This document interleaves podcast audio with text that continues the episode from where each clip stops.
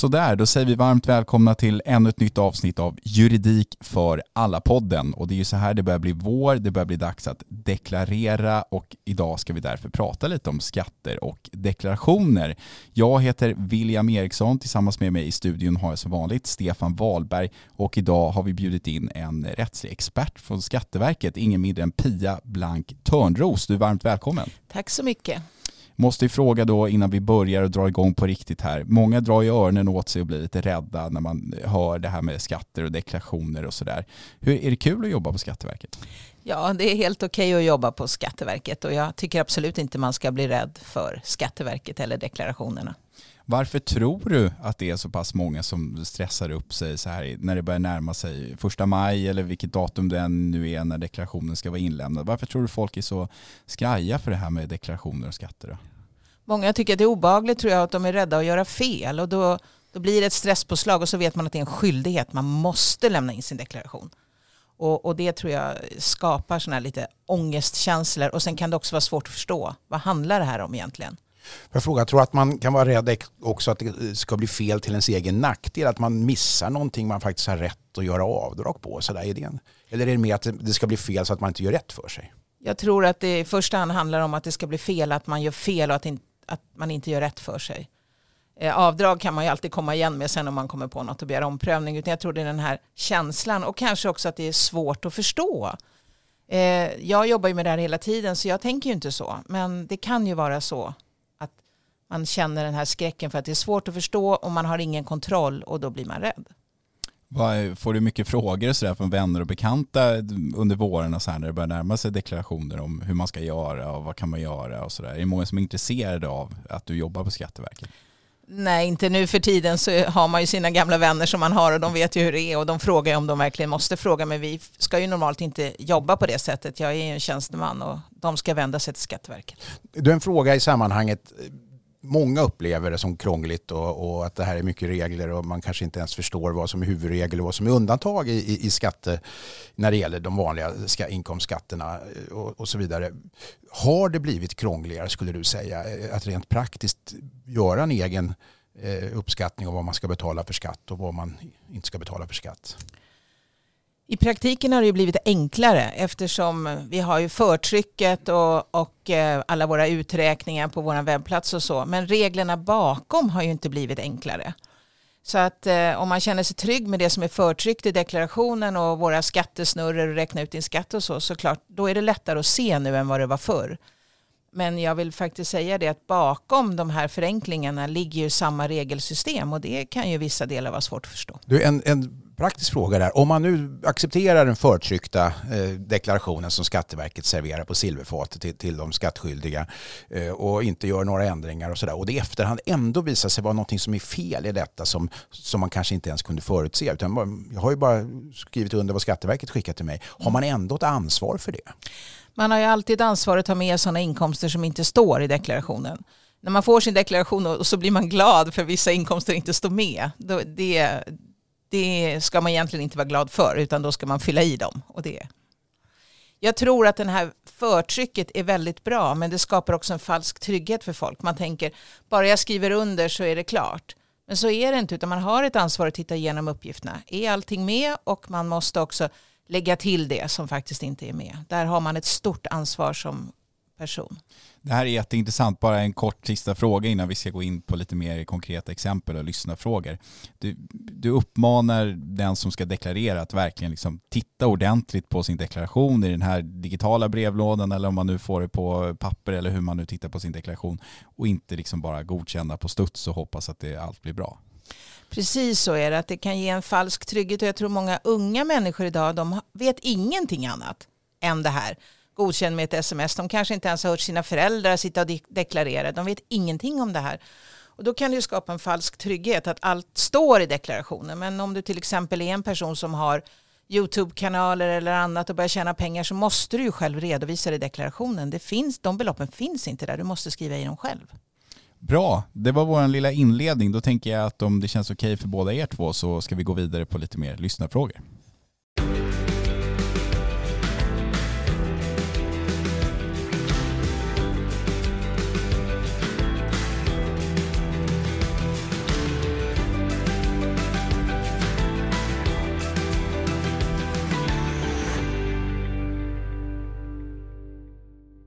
Tänker så här, om vi börjar med de frågorna som är det mest basic kanske av alla. Och då har vi en fråga som är, vad händer om jag inte lämnar in någon deklaration överhuvudtaget? Kan jag straffas och, och hur räknas i så fall skatten ut? Ja, om man inte lämnar deklaration så kostar det ju då 1250 kronor om man inte lämnar den alls. Men sen höjs det där priset så har du inte kommit in med deklarationen efter tre månader då byggs det på med 1250 kronor till. Och efter fem månader så är det 1250 kronor till. Så det är ganska dyrt att inte lämna in sin deklaration. Så om vi ska sammanfatta det så har man en laglig skyldighet att deklarera eh, under vissa omständigheter. Om man inte gör det så är det här en, är det någon form av administrativ sanktionsavgift eller är det ett brott att inte deklarera? Det kall, ja det är det väl också men det är inte det vi pratar om här. Det kallas förseningsavgift. Och hur räknas skatten ut då om man inte deklarerar? Ja, om man inte deklarerar och inte gör det heller när Skatteverket har anmodat så har ju Skatteverket en möjlighet att faktiskt skönsuppskatta en inkomst, det vill säga hitta på en inkomst kan man ju kalla det. Att man tittar hur det har sett ut tidigare och så, och så kan vi säga att nej men det är inget som talar emot att du inte skulle haft så här stor inkomst och så bestämmer vi den. Och då om man inte skulle ha deklarerat och skulle haft en betydligt eh, lägre inkomst än tidigare år, då, då blir det så att säga, får man betala den här extra skatten ja, ändå? Då är det väl dags att lämna in en deklaration skulle Nej. jag vilja säga, så är ju problemet löst. En ännu mer grundläggande fråga än den som William just ställde eh, är vem har egentligen en deklarationsplikt i Sverige? Är alla vuxna tvingade att deklarera vare sig man har tjänat något eller inte? Nej, det finns ju belopp där då kan man säga och de ligger runt 20 000 kronor. Har man haft en inkomst under 20 000 kronor, ja då ska man inte lämna deklaration i normalfallet. Så att, eh, men har du st lite större inkomster eller Skatteverket anmonar dig att deklarera, då är du också skyldig att deklarera. Om man till exempel har arbetat i Sverige och förvärvsarbetat och, och betalat skatt och deklarerat som vanligt i alla år och till exempel börjar studera eller flyttar utomlands under mm. en eh, sammanhängande tid och inte har några inkomster eller blir hemmaman kanske? Ja, då, då är det ju ändå så att då kommer man säkert få en deklaration och då kan man ju skriva noll där då. Det är ju mm. inte någon stor sak. Okej, sen har vi en annan fråga som lyder följande. Jag har upptäckt att jag på grund av ett uppenbart missförstånd har betalat alldeles för mycket i skatt, någonstans runt 200 000 kronor. Allting kan jag styrka fullt ut med handlingar, men det är 12 år sedan nu. Hur ska jag göra för att få tillbaka de här pengarna? Går det överhuvudtaget? Om det har gått så lång tid som 12 år då är, har det inträtt något som heter preskriptionstid. Man har inte längre möjlighet att ompröva. Så det skulle vilja säga att där är det kört. Och eh, hur, när infaller en sån preskriptionstid? Finns det, är det fem år, tio år? Ja, det är fem år. Okej. Okay. Så det var ju ganska enkelt då. Den här personen kommer inte få tillbaka sina pengar. Nej, enkelt men dystert. Mm. Och för att återknyta till frågan som Stefan skrev då. Vi har en person som har skickat in en fråga om sin 15-åriga dotter som har arbetat extra under året och det slog då den här föräldern att de kanske borde deklarera för henne. Måste de det och är det de som föräldrar som ska göra det eller är det hon själv som ska göra det? Ja, då är det ju så att för det första får man ju titta om hon bara haft en, den här personen bara haft en inkomst som kanske inte uppgår till det här deklarationsbeloppet runt 20 000. Då behöver man ju inte lämna någon deklaration.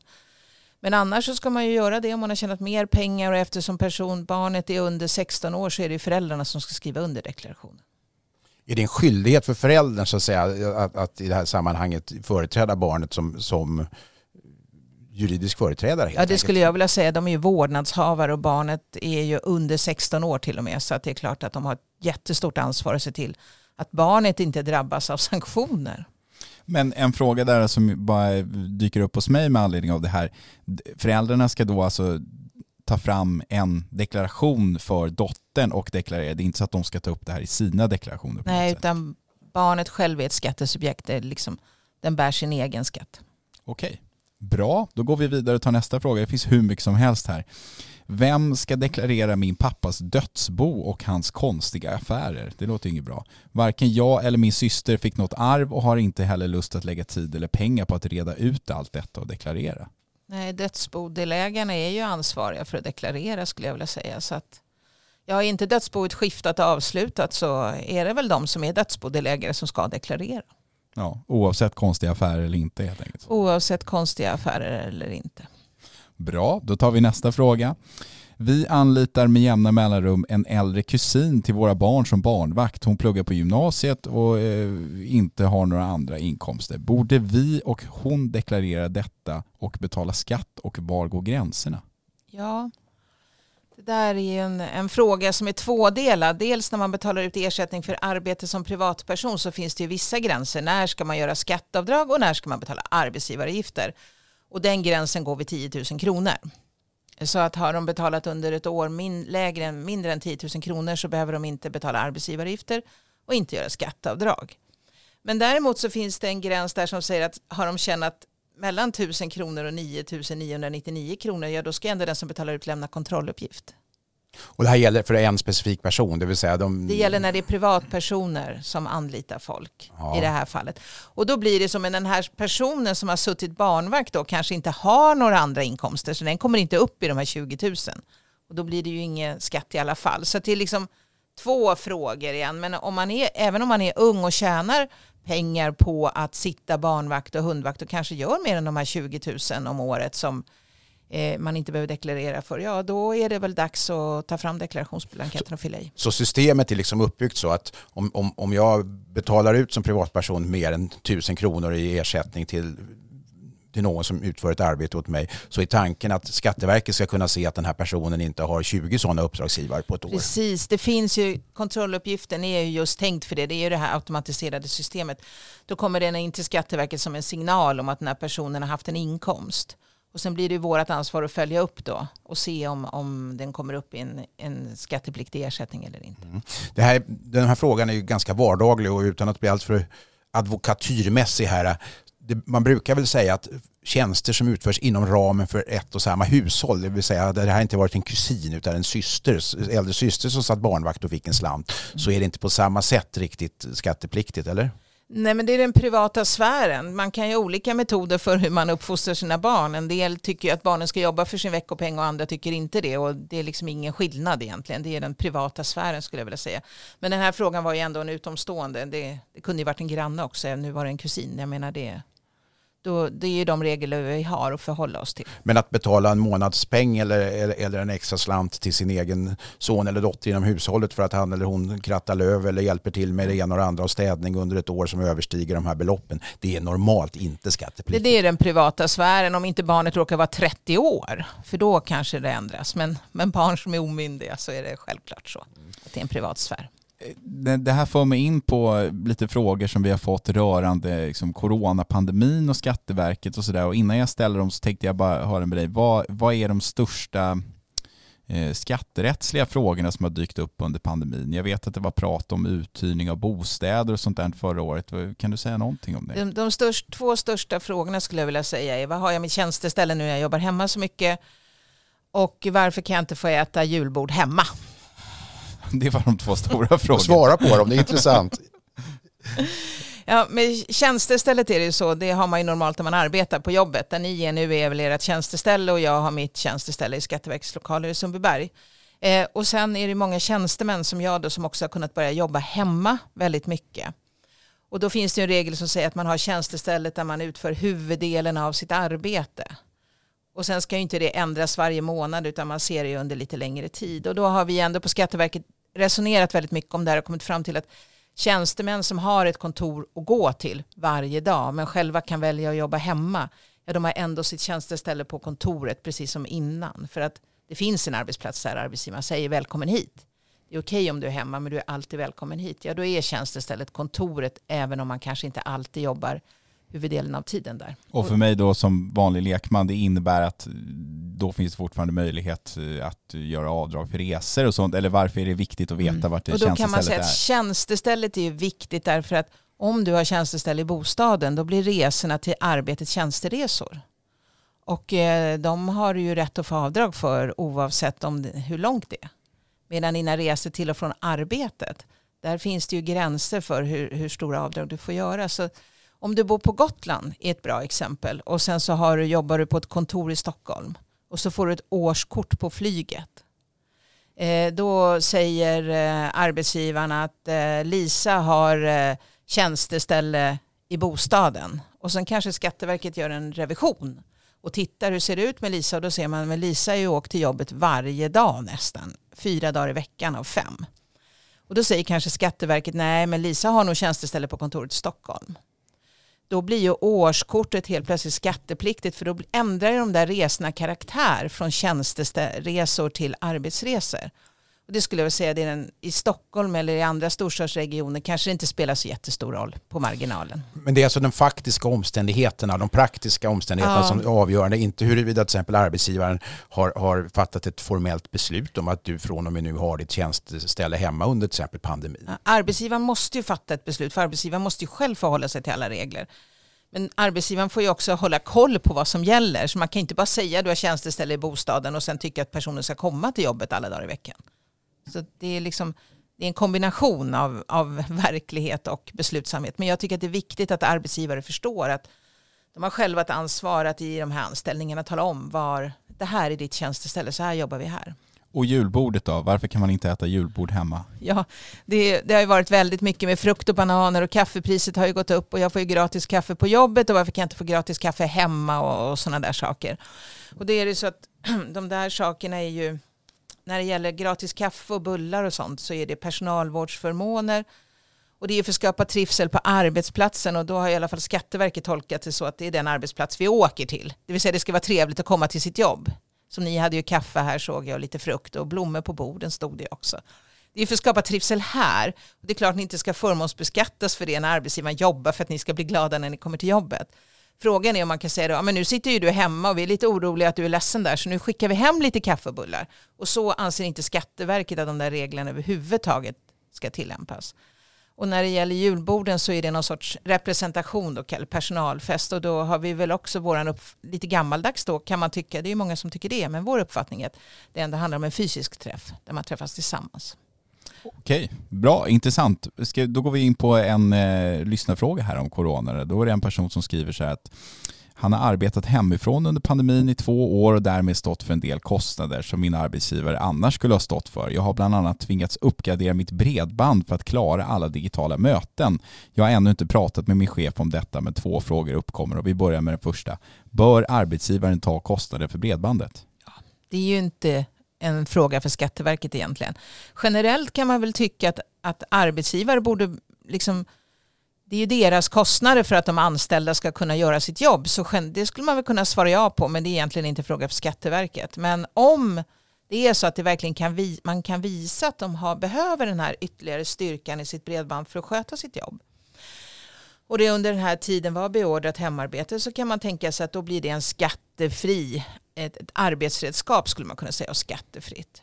Och det betyder också att arbetsgivaren skulle kunna nu i efterhand kanske kunna betala ut en kostnadsersättning för det där då så att personen skattefritt då, för det var en kostnad i arbetet. Fast det är, det är väldigt intressant det du säger, om, om vi stannar där en sekund och, och tittar på det, det, det, det du säger. Jag, jag, känner till att man som hantverkare till exempel ibland kan ha vilja använda sina egna verktyg och att man har en överenskommelse i ett avtal med en arbetsgivare som hantverkare, som snickare till exempel, att, att jag får ha mina egna verktyg och då är ju verktygens inköp i sig en kostnad som är nödvändig för inkomstens förvärvande. Mm. Och här skulle man kunna tänka sig att om man som arbetstagare gör en överenskommelse eller har ett anställningsavtal att jag ska stå för bredband hemma och mm. jag ska arbeta mycket hemifrån till exempel. Då är det i sig en kostnad mm. som är överenskommen mellan arbetsgivare och arbetstagare som skulle kunna vara, vara då inte en löneförmån som du säger utan det skulle rent av kunna vara avdragsgillt. Eller? Mm, men då är det viktigt att komma ihåg när det gäller bredband och installation av bredbandet så är Skatteverkets uppfattning att det alltid är en privat levnadskostnad. Idag har ju de flesta bredband.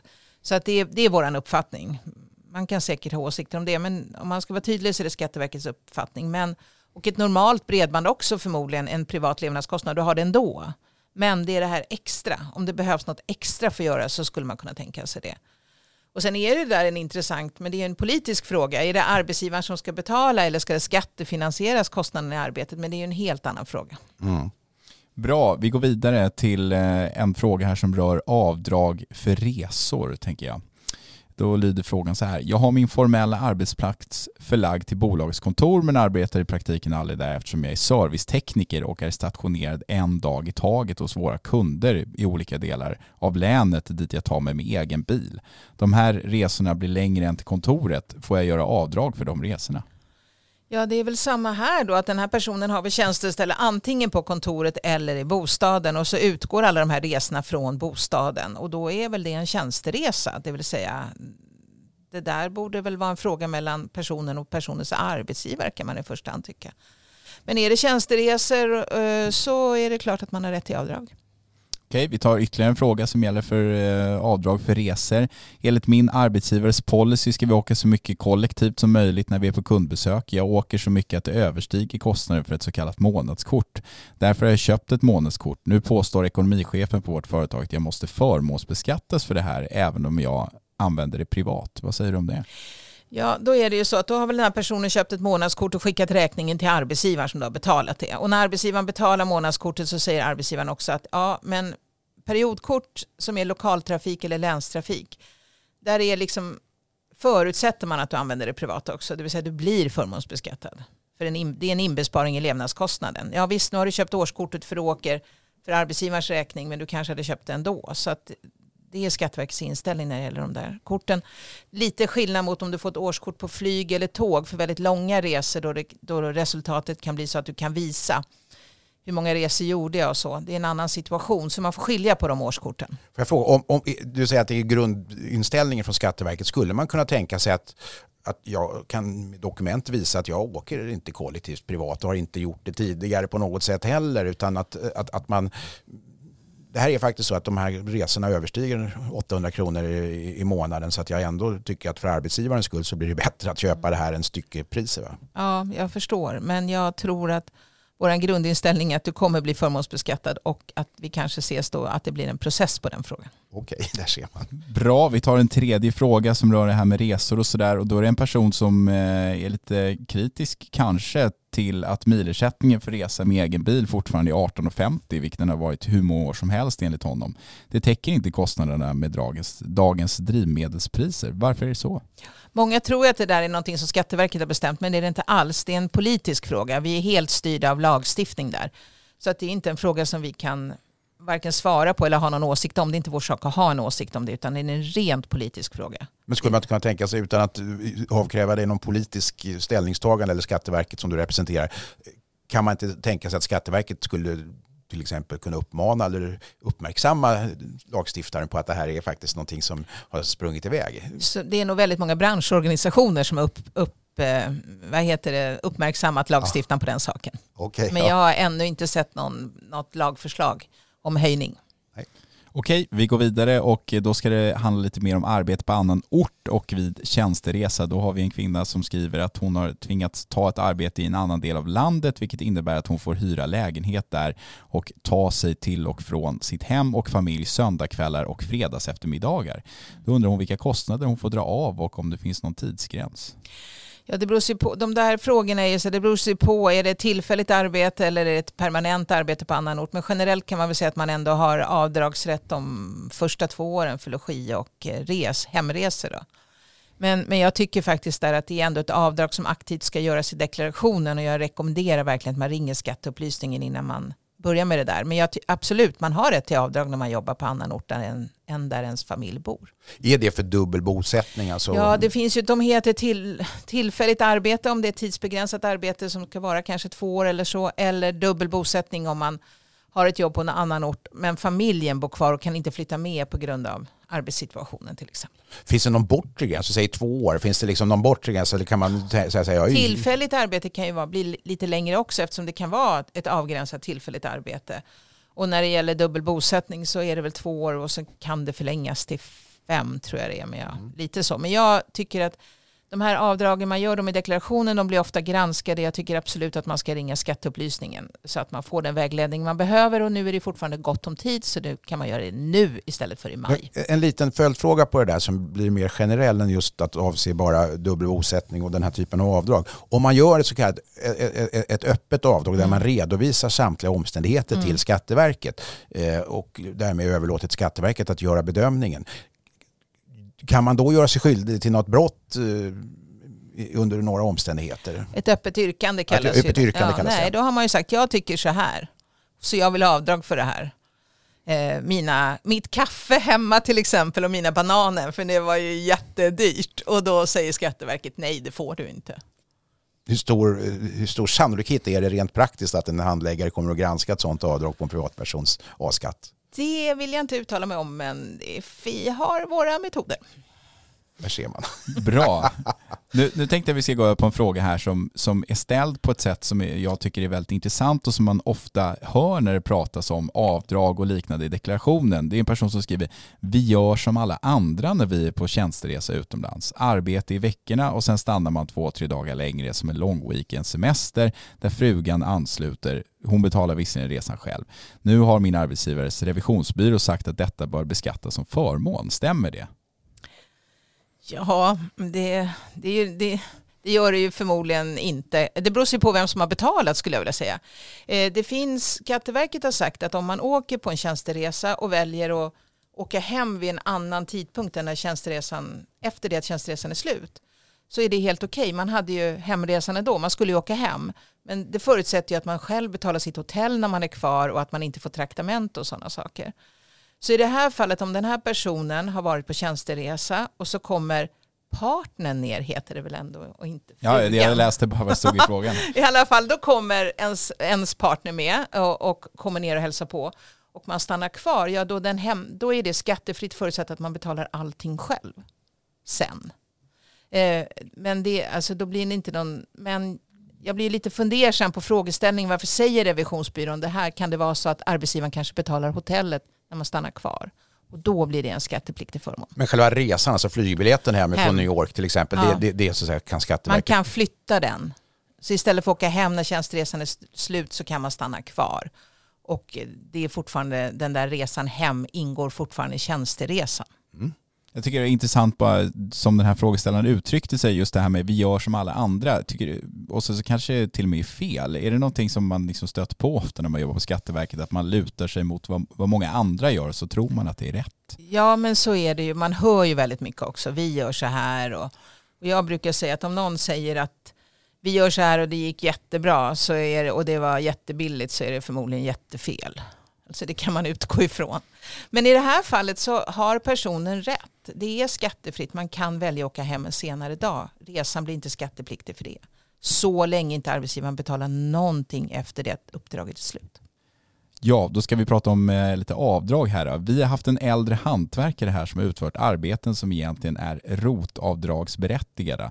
Han har lämnat en offert utan att ange någonting om rot och säger nu att han inte håller på och krånglar med sådana grejer. Får han göra så har vi ändå rätt att själva ansöka om rotavdrag utan hans medverkan. Mm. Rotavdraget bygger på att man får rabatten direkt när man betalar fakturan och det bygger också på att hantverkaren eller den som utför tjänsten vänder sig till Skatteverket och söker om resten. Det finns inget alternativ till det och därför är min rekommendation alltid att gör man stora jobb så måste man alltid försäkra sig om att hantverkaren ställer upp på det här med rotavdrag. För privatpersonen är det ju självklart. Det blir ju rot på det här. Men för hantverken kan ju vägra. Och det är därför det är jätteviktigt att man pratar om det innan jobbet utförs så att man kan välja en hand, annan hantverkare om den man hade tänkt anlita säger nej, jag vill inte hålla på med det där. Men det vill säga den här hantverkaren just som beskrevs då som lite äldre eh, och att han inte höll på att krångla med sånt här. Han var kanske inte van vid det sen sin tidigare, eh, när det inte fanns rot och rut i, i, Sverige. Eh, han har ingen skyldighet att ge rot, att med, om han säger nej från början så har man ingen rätt att kräva från Man har ingen rätt att kräva det och det finns ju många utförare som ibland väljer att inte göra de här sakerna på mindre jobb. Mm. Om ni har tänkt på det, ni tar hem någon och byter en packning eller någonting så är det ett rotjobb. Men när du får fakturan så finns det ingen rot för de orkar inte hålla på. Och med risk för att gå in i ren civilrätt här, men om, om, om man i förväg har fått en offert som innefattar eh, då rotavdrag och det i efterhand är så att hantverkarna slarv eller ovilja vill verkställa det här, då, då, har man, då har man rätt att få det till det priset ändå? Eller? Ja, då tycker jag det. Att då betalar man väl det man har kommit överens om. Och sen får väl hantverkaren göra vad den vill. Ja. Men det kan ju bli en process. Det är ju mycket jag skulle vilja säga så här, i de flesta fall funkar det här jättebra. Men när det blir bråk mellan hantverkare och kunder så blir det väldigt, väldigt jobbigt med rotavdraget. Och, och den, en sista fråga, om en också något apart i sammanhanget, trots allt. Är lagstiftningen alltså uppbyggd så att det går inte att runda utföraren? Jag kan inte i efterhand inkomma med, med avdrag för arbete, även om jag har papper på att någon har varit och bytt packningar och så. Det är riktigt, det går inte på något sätt att göra det själv och det gäller både för rottjänster, ruttjänster men också nu den här nya skattereduktionen för grön teknik med solcellerna. Samma sak där. Kan du bara kort redogöra för den? För den är vi få som känner till. Du behöver inte gå in i detalj men, men det är motsvarande princip som gäller eller? Ja, när det gäller grön teknik så är det motsvarande princip som för ROT och RUT och man får skattereduktion för solceller som man sätter på taket, batterier och laddstolpar till elbilar. Då. Laddningspunkter är väl det korrekta ordet. Eh, och när det gäller solceller så är det skattereduktion på 15 procent och när det gäller laddstolpar så är det 50. Det som skiljer det är att man får också för materialet. Så att det är, en, det är hela priset. Men eh, för att man ska få den här skattereduktionen så måste den som installerar ha med sig liksom materialet. Man har en privatpersonen köper en tjänst av en person och den installerar och tar med sig materialet. Det har varit väldigt mycket diskussion om det för innan var ju det här ett bidrag. Och då kunde man kanske köpa sin laddningspunkt från en leverantör. Och sen kunde du ta hem en person som installerade laddningspunkten.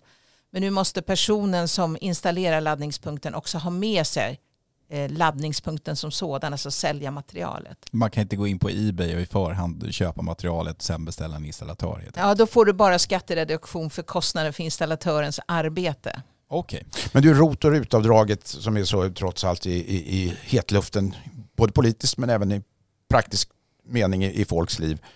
Hur vanligt är det att man till exempel har viktat arbetskostnad kontra materialkostnader fel? Är det här ett problem för er att utreda och se att det är uppenbart att det här inte kan utgöras av arbetskostnaden som är det enda som är, är, är omfattas av RUT-avdraget? Ja. Ja. ROT-avdraget. Det förekommer ju och Skatteverket gör ju ganska omfattande kontroller där och vi har också möjlighet att göra en skälighetsuppskattning faktiskt av någon skickar in och så säger arbetskostnaden var så här stor och så utreder vi så säger vi nej, det är, vår uppfattning är att den kanske var hälften av det där.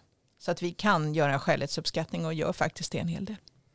Eh, Kan du ge något generellt tips då bara? För jag är en sån här person som inte har superkoll på varken ROT eller RUT. Alltså vad, om man ska köpa någon tjänst som kan vara ROT eller RUT-avdragsmässig, hur ska, man, hur ska jag göra när jag ska göra det? Vad, vad kan jag få avdrag för? Hur mycket pengar handlar det om? Och vad ska jag säga till den jag vill köpa tjänsten Ja, vi kan ta, om du vill köpa en, en ruttjänst då, exempelvis städning eller någon, någonting i trädgården och fälla träd eller så.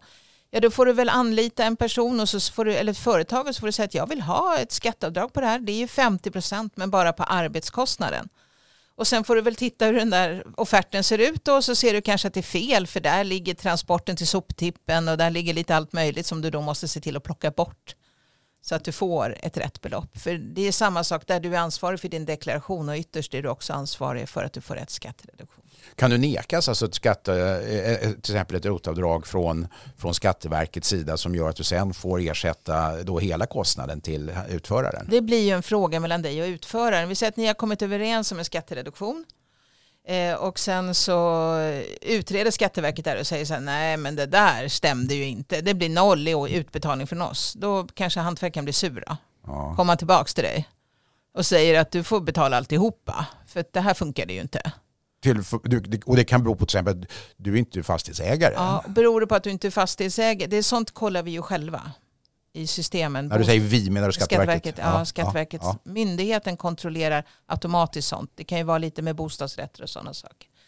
Men det kan ju vara, så det är väl lite beroende på, men jag menar generellt så många hantverkare har ju inskrivet i sitt avtal att kunden får betala alltihop om man inte får ut sina pengar. Så det är lite... det kan också vara att man har överskridit den här gränsen. Som, Ja. hur, hur mycket får man göra? Man får göra 75 000 är maxtaket men då är det så att av dem får bara 50 000 vara skattereduktion för rotarbete. Så att man har liksom fredat 25 för rutarbete skulle jag vilja säga. Okej. Och det innebär att de här, är det på det skatte, är är det, är det, är det på själva utförarens kostnad eller är det den här gränsen, vad avser gränsen om jag frågar det så? Ja det är per person och år.